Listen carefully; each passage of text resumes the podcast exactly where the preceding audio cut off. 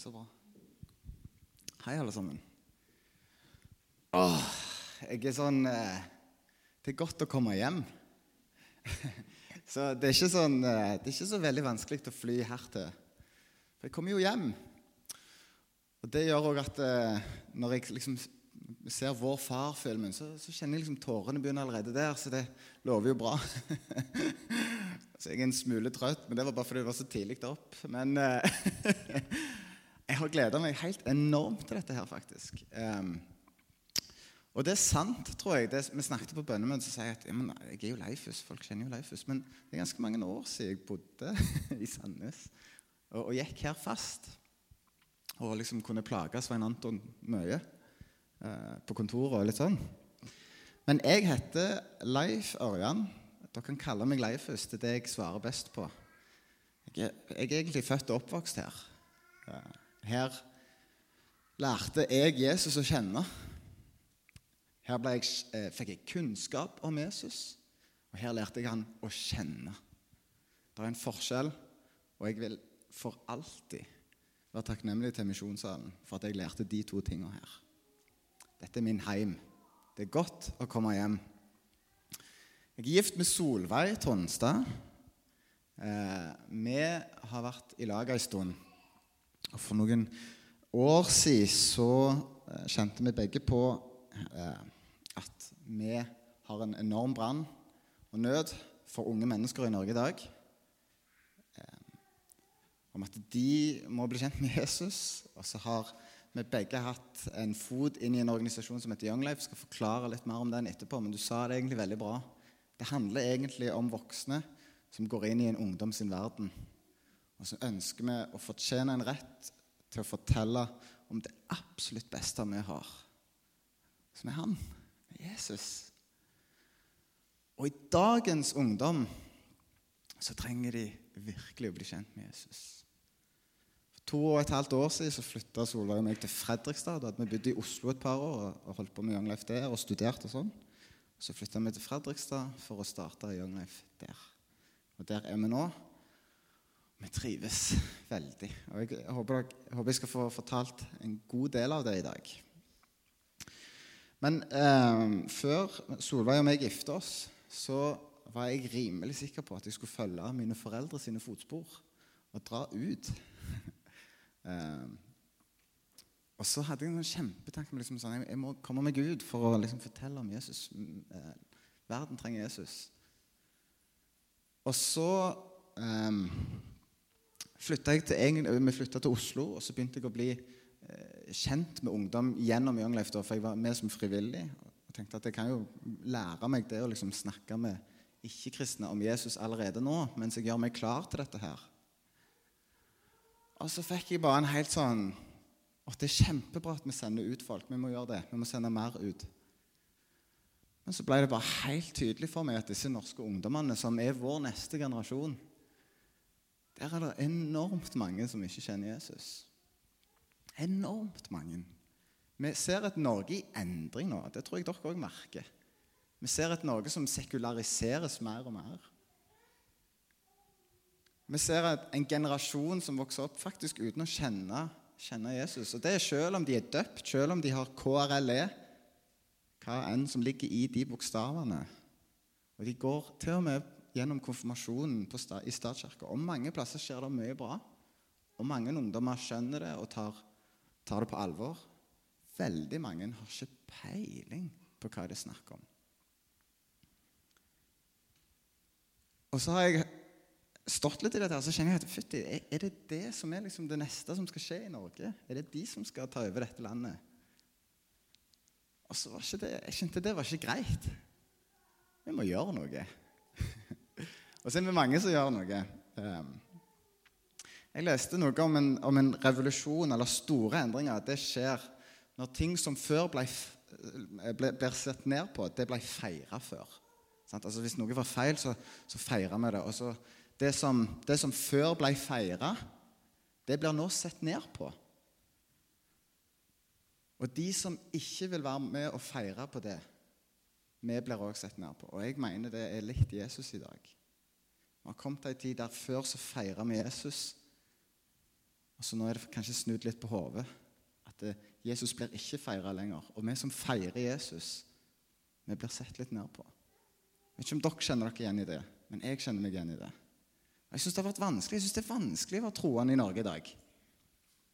Jeg syns det er vanskelig å være tydelig, og det, det er så masse press. Der er det. Og så sitter jeg med en følelse av at Nei, men er det dette det handler om?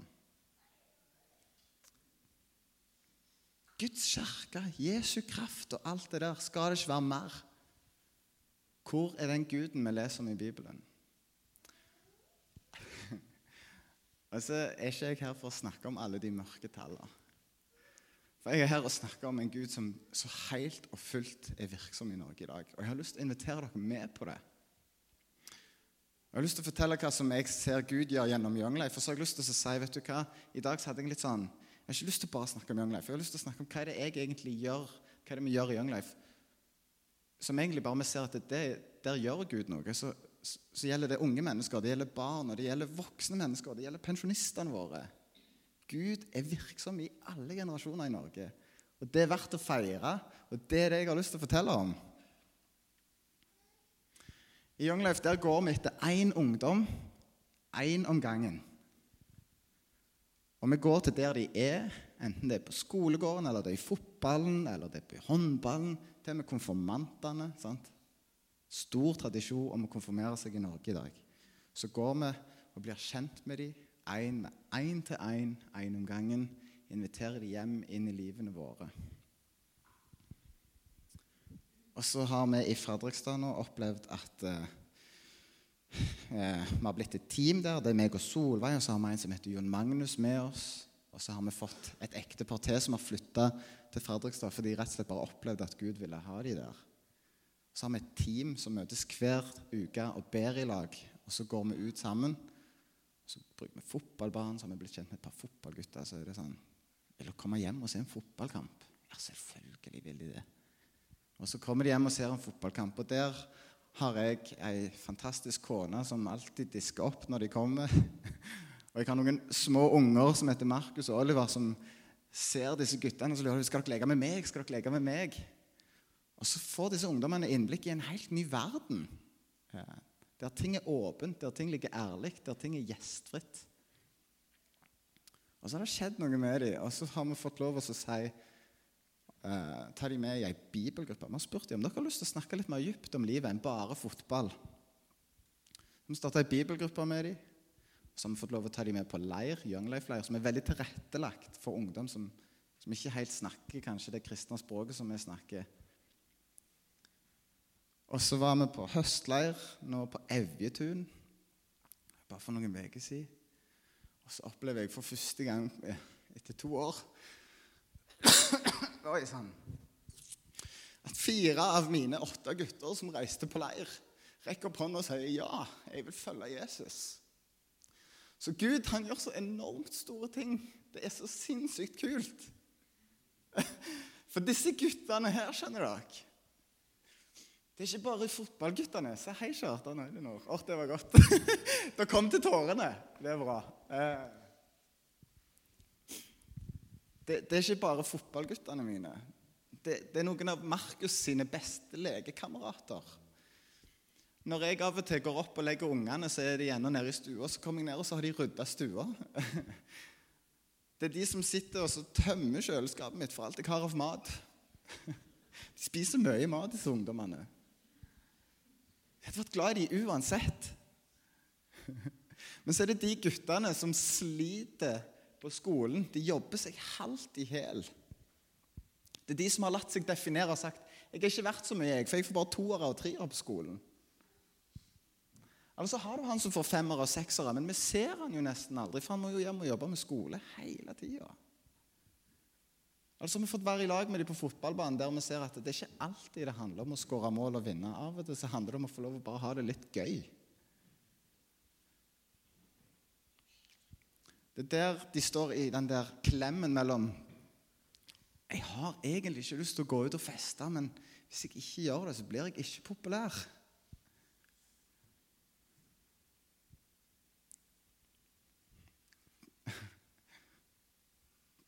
Og så får de en litt annen virkelighet enn det de kanskje hadde før. Gud gjør ting i Norge i dag. Jeg har lyst til å invitere dere med på det. Det er helt kanonkult. Mitt hjerte det er å nå unge mennesker i Norge i dag. Uten tvil om det. Kjenne Gud og gjøre Han kjent. Det er det som jeg lever for, og det er det som Solveig og meg lever for sammen. Og Vi ønsker å sette Gud øverst, og så ønsker vi å bruke alt som er av vårt, til Han. Vår familie lever for Han. Jeg har lyst til å fortelle litt om det.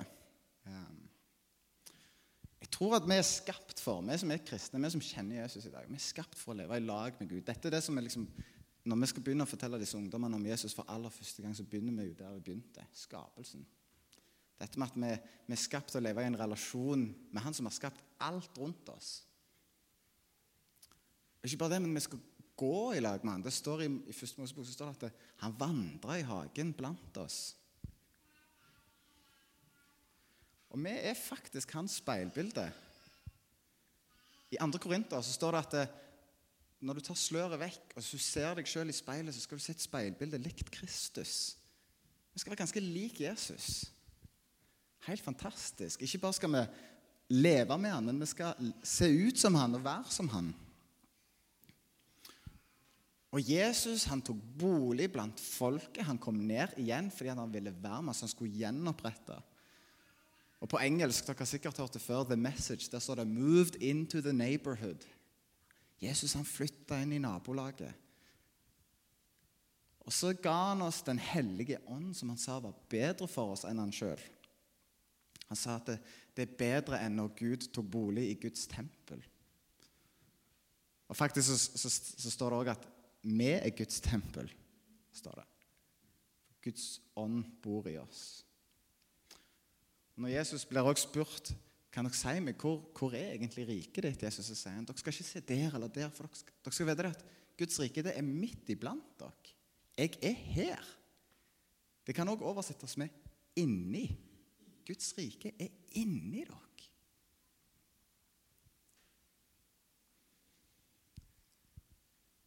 Jeg har hørt en setning som jeg bare syns var så vanvittig kul. There's no space between heaven and the, and the heart. Den hellige ånd tok bolig i oss, og det er ikke lenger en avstand mellom oss og den allmektige Gud. Det er det vi er skapt for. Midt iblant oss. Og Så skal vi leve og vandre med denne ånden. Og Så kommer det et skriftsted her nå, fra 1. Peter 2. 35. Dere har smakt at Herren er god. Kom til Han, den levende steinen som ble vraka av mennesker, men er utvalgt og dyrebar for Gud. Og bli selv levende steiner som bygges opp til et åndelig hus. Et åndelig hus. Bli et hellig presteskap og bær fram åndelige offer som Gud tar imot med glede ved Jesus Kristus. Levende steiner som bygges opp til et åndelig hus. Og Her kommer vi til det som jeg har lyst til å invitere dere med på i dag. De gode nyhetene, evangeliet, det kommer med et sett med husnøkler. For hjemmet vårt, huset vårt, gjestfriheten vår, det kan være et fantastisk startpunkt for kristen tro i Norge i dag. For gjestfrihet det tar fremmede, og så gjør de det til naboer. Og så tar det naboer og gjør det til familie. En del av Guds familie. Og det er en annerledes familie. Og det er radikalt, for de få gjør det, men det er veldig ordinært, for det står veldig mye om det i Bibelen. Og Jesus han har vist oss det i første person, hvordan han gjorde dette her. For han flytta inn i nabolaget. Han var en synders venn. Han kom for hele mennesket. Han var faktisk ikke bare her for å frelse. Han var det, men han var òg her for hele mennesket. Han ønsket å reise opp de som var nedbrutt, de som hadde en knust ånd. Han kom her for å helbrede og leke han så oss. Han ser deg. Han ser gutta mine. Og han døde for oss. Som blir til tider for absurd for meg å forstå, altså. Det er bra av og til bare prøve forstå det en gang til, om og om og om igjen. Så står det i 1. Peter 2, 21, så står det For det var jo dette dere ble kalt det. For Kristus led for dere og etterlot dere et eksempel for at dere skulle følge i hans spor. Han har vist oss helt og tydelig hva han sjøl kom for å gjøre, og han har gitt oss et eksempel til etterfølgelse. Med andre ord, det er på tide at vi møter opp i nabolaget. Det er på tide at vi skal møte fremmede. Det er på tide at vi skal se hele mennesket. Det er på tide at vi ikke bare skal frelse Jesus frelse, men lede til frelse. Men vi skal òg få lov å være der i noe helt annet enn bare det òg. Vi skal få lov å være en del av hele livene deres. Jesus han blir møtt av noen, så spør de han De prøver jo egentlig å sette ham på prøve og si hva er det viktigste av alt. Jesus? Og Så svarer han dette her i Lukas 10. Du skal elske skal vi se, du skal elske Herren din Gud av hele ditt hjerte, og av hele din sjel og av all din kraft og av all din forstand, og din neste som deg selv. Helt og tydelig konkret. Dette er det viktigste dere skal gjøre. Kjenn meg, elsk meg, og så gjør dere det med de rundt oss òg. Jeg synes Det er så fint bilde òg, fordi hvis du skal elske Gud av hele deg, så har du jo egentlig ikke mer å gi, så du er jo helt avhengig av å få alt av Gud òg, da. Er dere med på den? Det er fint, det. Og Så prøver de jo egentlig å teste den litt videre og sier ja, men hvem er din neste? Og, og Historien han forteller rett etterpå, det er den barmhjertige samaritan. Han som lå nede, slått. Folk gikk forbi han. Så var det en som stoppet og viste barmhjertighet. Og så sier Jesus, 'Gå du og gjør sånn som han'.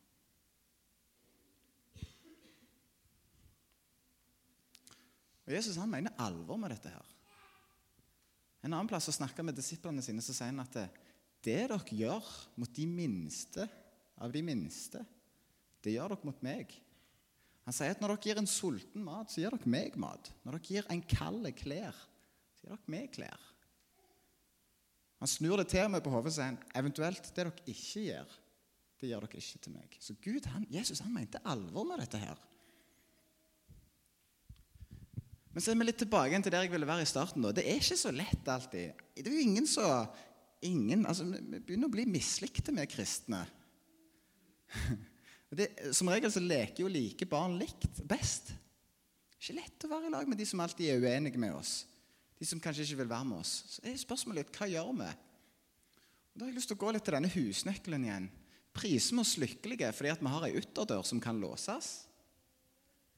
Eller tenker vi kan vi begynne å åpne denne døra litt.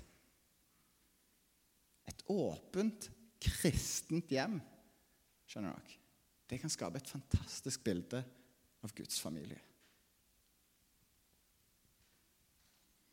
Og Bibelen skriver veldig mye om familie som en beskrivelse av hva kirka er, hvor Jesus er en del av den. Oi,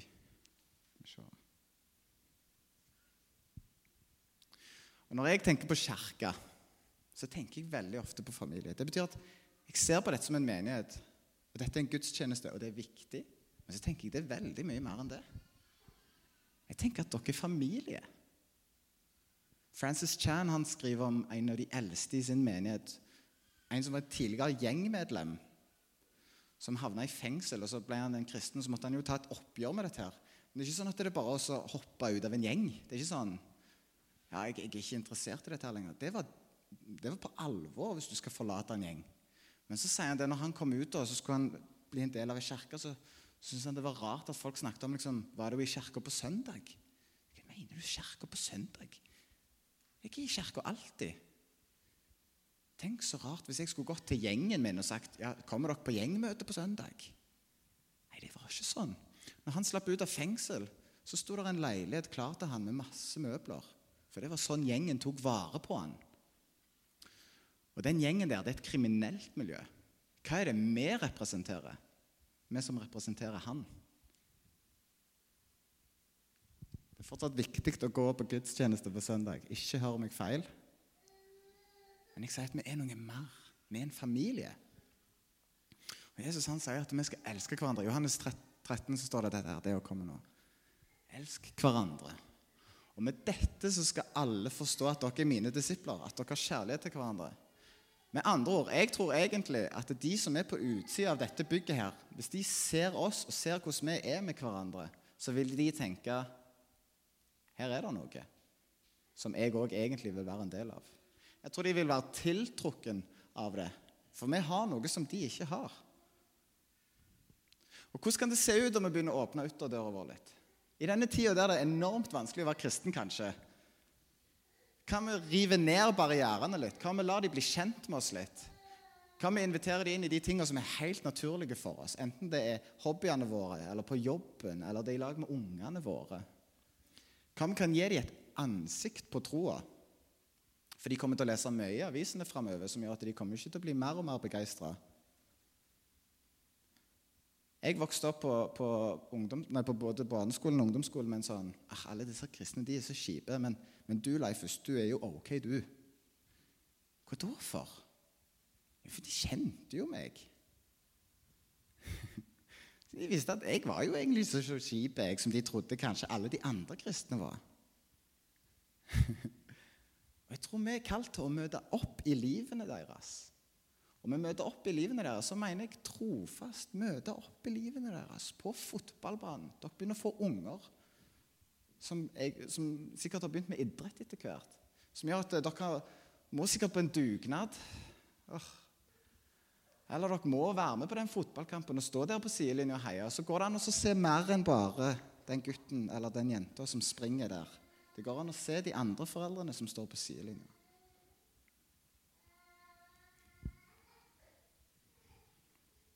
barnehagen så er det en dugnad, kanskje. Det går an å møte opp der og bli kjent med folk på en helt annen måte. Jeg, jeg flytta til Fredrikstad så trodde jeg at ingen hadde tid til meg, for alle har jo nok med seg sjøl. Så var jeg med på en dugnad i barnehagen, så begynte jeg å forstå at alle gikk jo rundt og tenkte sånn. Men ingen torde å si det. Så alle bare gikk hjem igjen. Så fikk jeg noen venner der òg.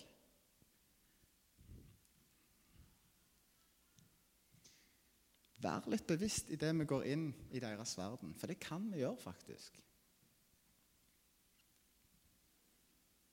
Og Livet vårt det må ikke være perfekt. Vi kan invitere dem inn i livene våre, inn i husene våre. Vi sier at dere kan komme sånn som dere er til, til, til, Jesus, men kan de komme sånn som de er til oss? Kan vi motta dem sånn som de er? For Det er jo det de er redd for, at vi skal se på dem som noe annerledes, og at de ikke passer inn. Og I Hebreerne 13, 1-2, så står det dette her. Det er å komme opp. Hold søskenkjærligheten levende, og glem ikke å være gjestfrie.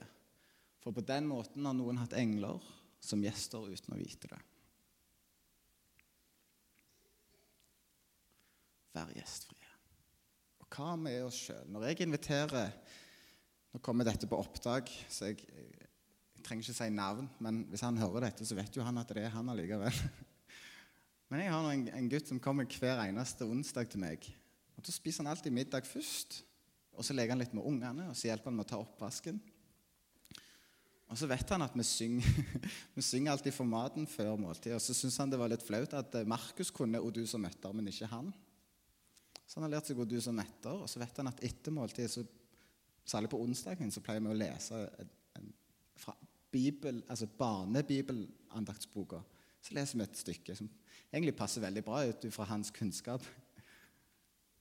Og Så går vi og ser vi en episode av The Bible, og så leser vi litt i Bibelen det vi akkurat har sett. Og Så kjører han hjem igjen. Og Før han kommer, by the way, han kjører en sånn lettmotorsykkel med ei trimma potte på, så du hører han jo en halv kilometer vekke. Men da springer guttene, ungene mine springer ut i oppkjørselen, for da vet de at han kommer. Skal de se når motorsykkelen kommer inn. Utrolig gøy. Eh, jeg har ikke en agenda om å invitere han med i ei kirke, for jeg er ei kirke. Jeg er en del av det. Jeg vet at En dag så, så skal han få lov til å se det kristne fellesskapet i sin helhet, som han kommer til å bli enormt begeistra for. Jeg har lyst til å være glad i han, selv om jeg er uenig i veldig mye av det han sier. Jeg trenger ikke å vinne alle diskusjonene med han. Og Han har sagt rett ut, for han er en sånn vitenskapsgutt, så han har sagt jeg har jo vært han her er ingen antifamilie når det gjelder kristendom. Helt vanlig norsk familie. Vokst opp på helt vanlige ungdoms- og barneskole og videregående. Hatt alle kristendomsfag som er på de skoletrinnene der. Og er konfirmert. Og sier at han har hele livet sitt vokst opp med at vitenskapen er sann og kristendommen er feil. Og så har han møtt noen kristne som har presentert ham for noe helt annet. Så han sier rett ut jeg syns dette er kjempevanskelig. For det er to sannheter i mine øyne nå som krasjer med hverandre. Men jeg har aldri hørt denne før. Vi så en film som heter 'Risen', som handler om når Jesus står opp igjen. Og så bryter han ut Står dette i Bibelen? Ja, sier jeg. Og så ser vi litt til og bare Nei, men seriøst, Leifus, tror, tror kristne at Jesus har stått opp igjen fra de døde? Så jeg måtte svare med en sånn Men du, er ikke du konfirmert? Har ikke dere hatt om dette her? Så bare, ja, det er sikkert det. Jeg har ikke peiling. Så, så utrolig gøy at jeg kunne få lov å være der og bare forklare de tingene til han. Utrolig spennende. Jesus han brukte mye tid med mennesker, og særlig måltider. Det står at han var en storeter. Kanskje det er måltidene som er den stille revolusjonen i Norge. Visste dere at eh, noen av disse gutta her, når, ble, når vi er på leir, så må de sitte helt til måltidet er slutt? Det er de ikke vant med. Som regel er de heller ikke vant med at måltidet har en felles begynnelse. Maten står på, står på et benk, og så kommer de, og så tar de, så er det ingen familietid. Så bare det med å vise dem familietid Sitte og snakke sammen. 'Hvordan gikk det på skolen i dag?' Det var helt nytt for dem. Kanskje det er der den stille revolusjonen er. Mitt poeng er, er hvordan kan det se ut at vi er oss sjøl, der vi kjenner Jesus, og å bare være oss sjøl, så peker vi på han? Hvordan kan det se ut? Og Det får være litt opp til dere. Men jeg har lyst til å si at jeg, gjort, jeg gjør det med ungdommer. Jeg tror at dere har masse dere kan komme med. Og husk det at Når Gud sier 'elsk meg av all din forstand', så er det jo ikke mer å gi. Så dere må be Gud om å gi dere det. Det er fantastisk, for da blir dere ikke utbrent. Da må jo kraften komme fra Han. Og Så kan vi spørre oss sjøl hva er det vi er redd for. Er vi redd for menneskene? Det kan godt være. Jeg er mange ganger redd for mennesker. Så må jeg bare stole litt på at Gud sier skal, skal faktisk frykte Han mer. Han, han som har skapt alt. Han, hans mening om, om, meg betyr litt mer enn mennesker rundt meg sin mening om meg. Og Til slutt så blir det en fin frihet i det òg. For meg så var lenge frykten var, var matregningen. Og det er sant. Det er fortsatt en redsel jeg har. Håper dere har gått til kollekten. Nei da. Um, men, men, der òg sier Bibelen veldig mye. I Hebreerne 13,5 det kommer ikke der, der står det at vi skal nøye oss med det vi har. Og jeg har aldri mangla noe. Og guttene mine som kommer på besøk, de har aldri gått sultne derifra. Forhåpentligvis så, så går de derifra med ønske om mer av det de allerede har fått. Noen ganger så kan en tenke at jeg er litt redd for ungene og familien oppi dette. Jeg må beskytte dem litt. Men jeg vil bare si det at ungene mine eh, de kommer til å, å, å, leve veldig lenge etter meg, tror jeg. Så de kommer til å, å leve forbi min tid. Men de kommer aldri til å leve forbi Guds tid. Så jeg må sørge for at jeg gir dem Gud, i hvert fall. Og jeg tror dette her dette er en måte å vise dem i hvert fall hva Jesus betyr for meg og Solveig. Og jeg tror ungene mine de ser Jesus hver dag. Tror jeg.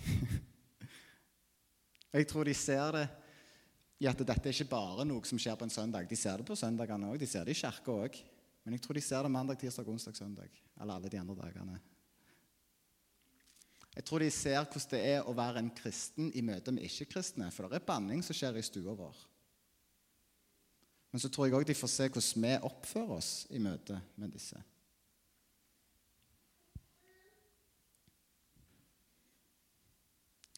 Ikke minst så har jeg masse kristne rundt meg som er med på dette her, som faktisk hjelper meg med å oppdra ungene mine. Og når jeg av og til tenker meg om disse ikke-kristne guttene som, som er 17-18 år, de er òg egentlig med å oppdra ungene mine. Og ungene mine vet at når Trym kommer inn døra, så vet de at nå blir jeg elska veldig høyt. For nå kommer det noen for å leke med meg. Ekteskapet mitt Ekteskapet mitt er den tydeligste forkynnelsen av Guds evangelie til disse som ikke kjenner Jesus. Jeg får vise dem noe helt annet enn det verden rundt de forteller dem om, om forhold. Jeg får vise dem hvordan det faktisk av og til er når de kommer inn og de ser at meg og Solveig faktisk har en liten amper situasjon gående. Eller de får se oss når vi sier 'glad, glad i deg' til hverandre. De får se oss i det at vi står og lager mat i, sammen, eller det at vi vasker opp i lag. De får se oss i det at vi av og til må si nei til dem og si vi må ha en pause nå. Så, så ser de at oi, disse her trenger tid alene, og de, de tar seg den tida alene.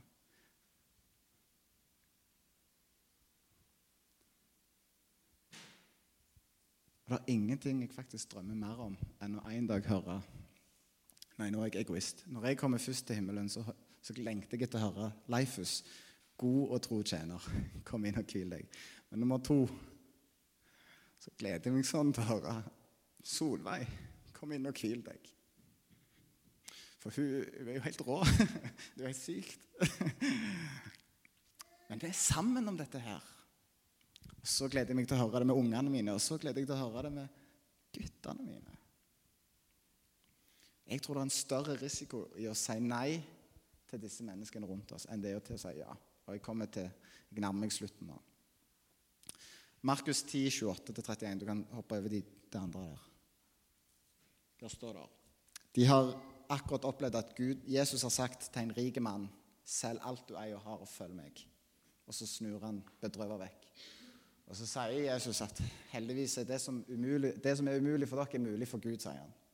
Så begynner Peter å spørre litt. Men, men med, hva med oss, da, med disiplene? Vi har jo forlatt alt og fulgt deg. Jesus svarte, sannelig sier jeg dere, enhver som har forlatt hus eller brødre eller søstre eller mor eller far eller barn eller åkre for min skyld og for evangeliets skyld, skal få hundre ganger så mye igjen. I den tiden som nå er, skal han få hus brødre, søstre, mødre, barn og åkre. Men også forfølgelser, og i den kommende verden evig liv. Bare la dette stå. Den kan bare stå. Jeg, jeg, dette er ikke sånn herlighetsteologi. Det er ikke det jeg sier. Jeg tror ikke at jeg blir millionær av å leve det livet jeg lever.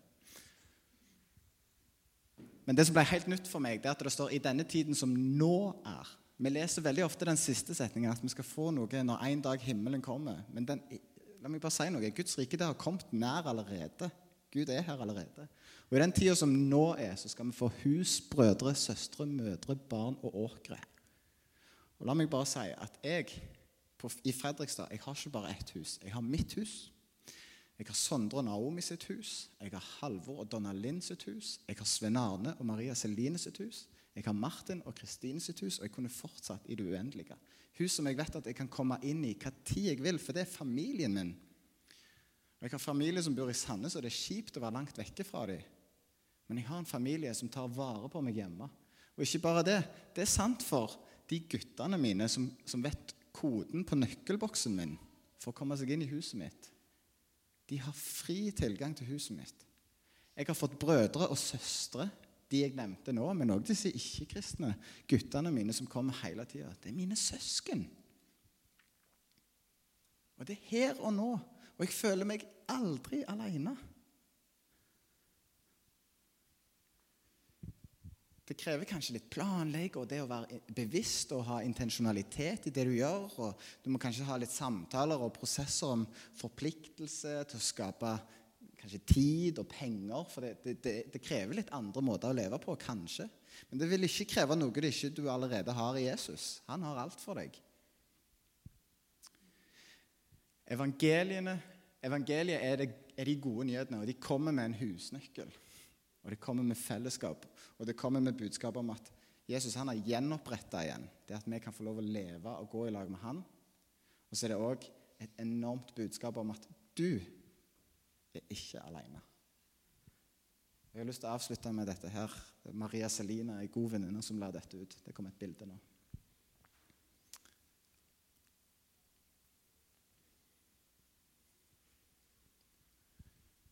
Gud skapte, var nær menneskene. De synda, ble atskilt fra Gud. Så kom Jesus. Gud er nær igjen. Gud er nær. Gud er nær. Gud er nær. Gud er nær. Får du det med deg? Du er aldri alene. Gud er nær. Og Det er sant for meg, det er sant for deg, og det er sant for naboene dine. Skal vi begynne å låse opp den ytterdøra og slippe de inn? Og la de få kjenne på denne sannheten for livet deres. Hvis dere har spørsmål om Young Life eller andre ting, så er jeg her. Men, men jeg har bare lyst til å invitere dere med på noe, fordi at Gud gjør dette i landet vårt i dag. For vi lever i ei tid der kanskje ensomhet er større enn noen gang. Der falske relasjoner er mer til stede enn noen gang. Der fremmedfrykt og menneskefrykt blir dyrka mer enn noen gang. Men så skal det egentlig bare et, et lite hei til, en liten relasjon til. Så endrer det alt. Kjære Jesus, takker deg for at du er nær. Jeg takker deg for at du har skapt oss. Dette fantastiske skaperverket rundt oss, som du sier er godt, og så har du skapt oss, og vi er veldig godt. Og du har sagt at vi er lik deg, at vi er ditt tempel, og din, din ånd bor i oss.